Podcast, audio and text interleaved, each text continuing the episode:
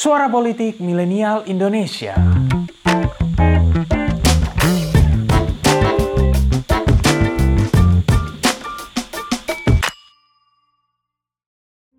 Jika kita membicarakan tentang orang yang paling jahat yang pernah ada dalam sejarah peradaban manusia, mungkin nama Adolf Hitler menjadi salah satu yang pertama terlintas di pikiran kita.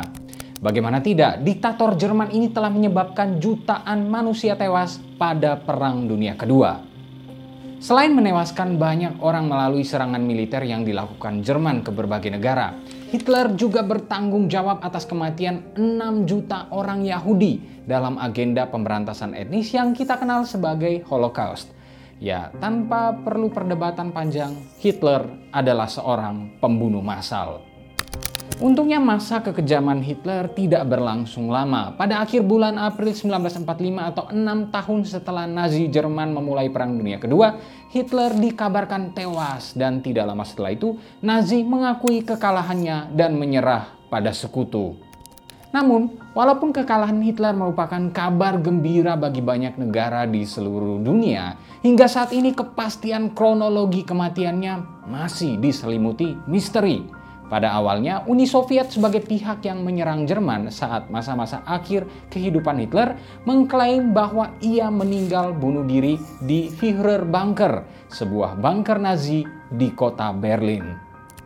Lebih lanjutnya, Soviet juga menyebut telah membakar jasad Hitler dan membuang abunya ke sungai Elbe di Jerman dan menyimpan sisa tengkoraknya. Namun Nick Bellantoni, seorang arkeolog Amerika yang meneliti tengkorak tersebut, mengatakan bahwa itu bukanlah milik Hitler, melainkan tengkorak dari seorang perempuan berumur 40 tahun. Sejumlah catatan CIA bahkan menyebutkan bahwa ada kemungkinan Hitler sesungguhnya selamat dari serangan di Berlin dan telah melarikan diri ke benua lain, Mantan pimpinan Uni Soviet Joseph Stalin juga pernah mengatakan bahwa Hitler berhasil kabur ke Spanyol atau Argentina. Tidak hanya itu, beberapa literatur juga menyampaikan bahwa ada dugaan kuat Hitler sesungguhnya kabur ke Indonesia dan meninggal di negeri kita ini. Pandangan ini populernya berangkat dari buku Hitler Mati di Indonesia karya Suryo Guritno dan Jejak Hitler di Indonesia karya Horst Girken. Inilah jejak sang Führer di Nusantara.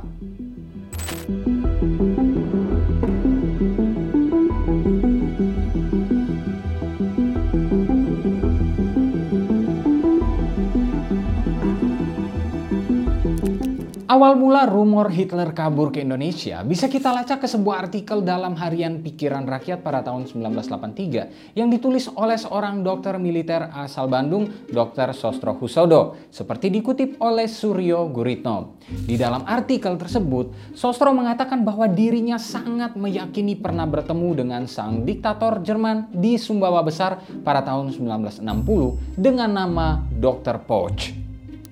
Kecurigaan Sostro bahwa Poch adalah Hitler muncul dari sebuah artikel yang ditulis oleh Heinz Linge, seorang valet pribadi Hitler. Di dalamnya, Hitler digambarkan memiliki sejumlah kondisi fisik. Pertama, Hitler tak bisa berjalan normal, kaki kirinya mengalami kelumpuhan, dan penglihatannya terganggu. Kedua, Hitler memiliki penyakit kejang urat pada tangan kirinya setelah pertempuran di Stalingrad. Sostro menyebut Poch memiliki semua keadaan fisik tadi. Ditambah lagi saat pertama kali bertemu Poch, Sostro diberitahu bahwa ia adalah seorang dokter dari Jerman. Tetapi anehnya, Poch tidak tahu banyak soal kesehatan. Selain itu, istri Poch yang bernama Sulaesi juga kedapatan beberapa kali memanggil Poch dengan sebutan Dolph.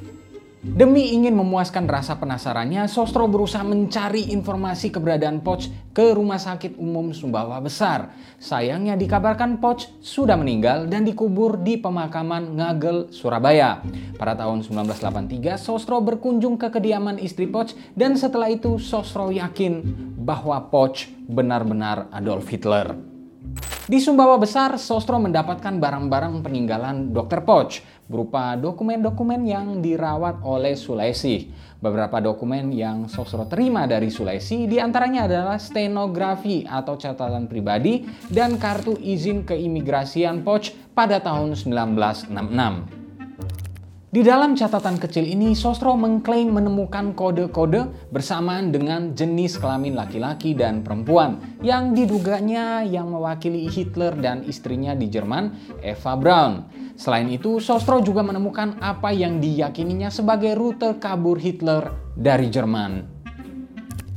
Menurut Sostro, antara tahun 1951 sampai 1954 keberadaan Poch tidak diketahui karena baru pada tanggal 6 Januari 1954 ia masuk ke Indonesia. Di Jakarta, Poch mengajukan permohonan menjadi WNI. Namun Sostro menemukan keanehan. Dalam dokumen kartu imigrasi yang diperolehnya, tertulis Dr. Poch lahir di Persemesil 1 November 1895. Menurut Sostro, Persemesil berada di Polandia. Sedangkan di dalam surat permohonan menjadi WNI tahun 1966 dituliskan Dr. Poch bahwa Persemesil berada di Austria. Karena perbedaan inilah, Sostro menyimpulkan bahwa paspor dokter Jerman tersebut palsu. Pada bagian akhir buku Hitler Mati di Indonesia, Suryo Guritno melemparkan argumentasi penutup bahwa valid atau tidak, kebenaran kematian Hitler faktanya memang tertutupi banyak tirai misteri. Tidak ada saksi mata yang bisa membuktikan bahwa Hitler benar mati di Jerman atau di tempat lain. Sementara itu buku Jejak Hitler di Indonesia yang ditulis Horst Girken lebih membahas tentang pelacakan keberadaan pemerintahan Jerman masa Hitler di Indonesia. Sekaligus juga tentang tokoh-tokoh di lingkaran dalam Hitler yang begitu antusias menyampaikan potensi luar biasa negeri Jamrut Katulistiwa ke telinga sang Führer.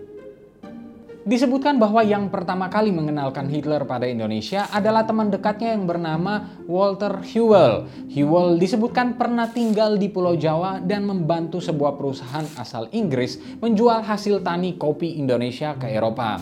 Dialah yang memberitahu Hitler tentang Hindia Belanda yang kaya akan bahan baku yang bisa mewujudkan ambisi besar Hitler menjadikan Jerman ibu kota dunia. Girkan juga menampilkan beberapa poin menarik lain, seperti pianis pribadi Hitler yang ternyata merupakan orang Indonesia bernama Abu Bakar. Kemudian kerjasama Jepang dengan Jerman untuk mencegah rekolonialisasi pemerintah Belanda terhadap Indonesia. Selain itu juga disebutkan soal peran Jerman dalam memasok senjata dan perlengkapan untuk pasukan peta agar bisa melawan pasukan Belanda.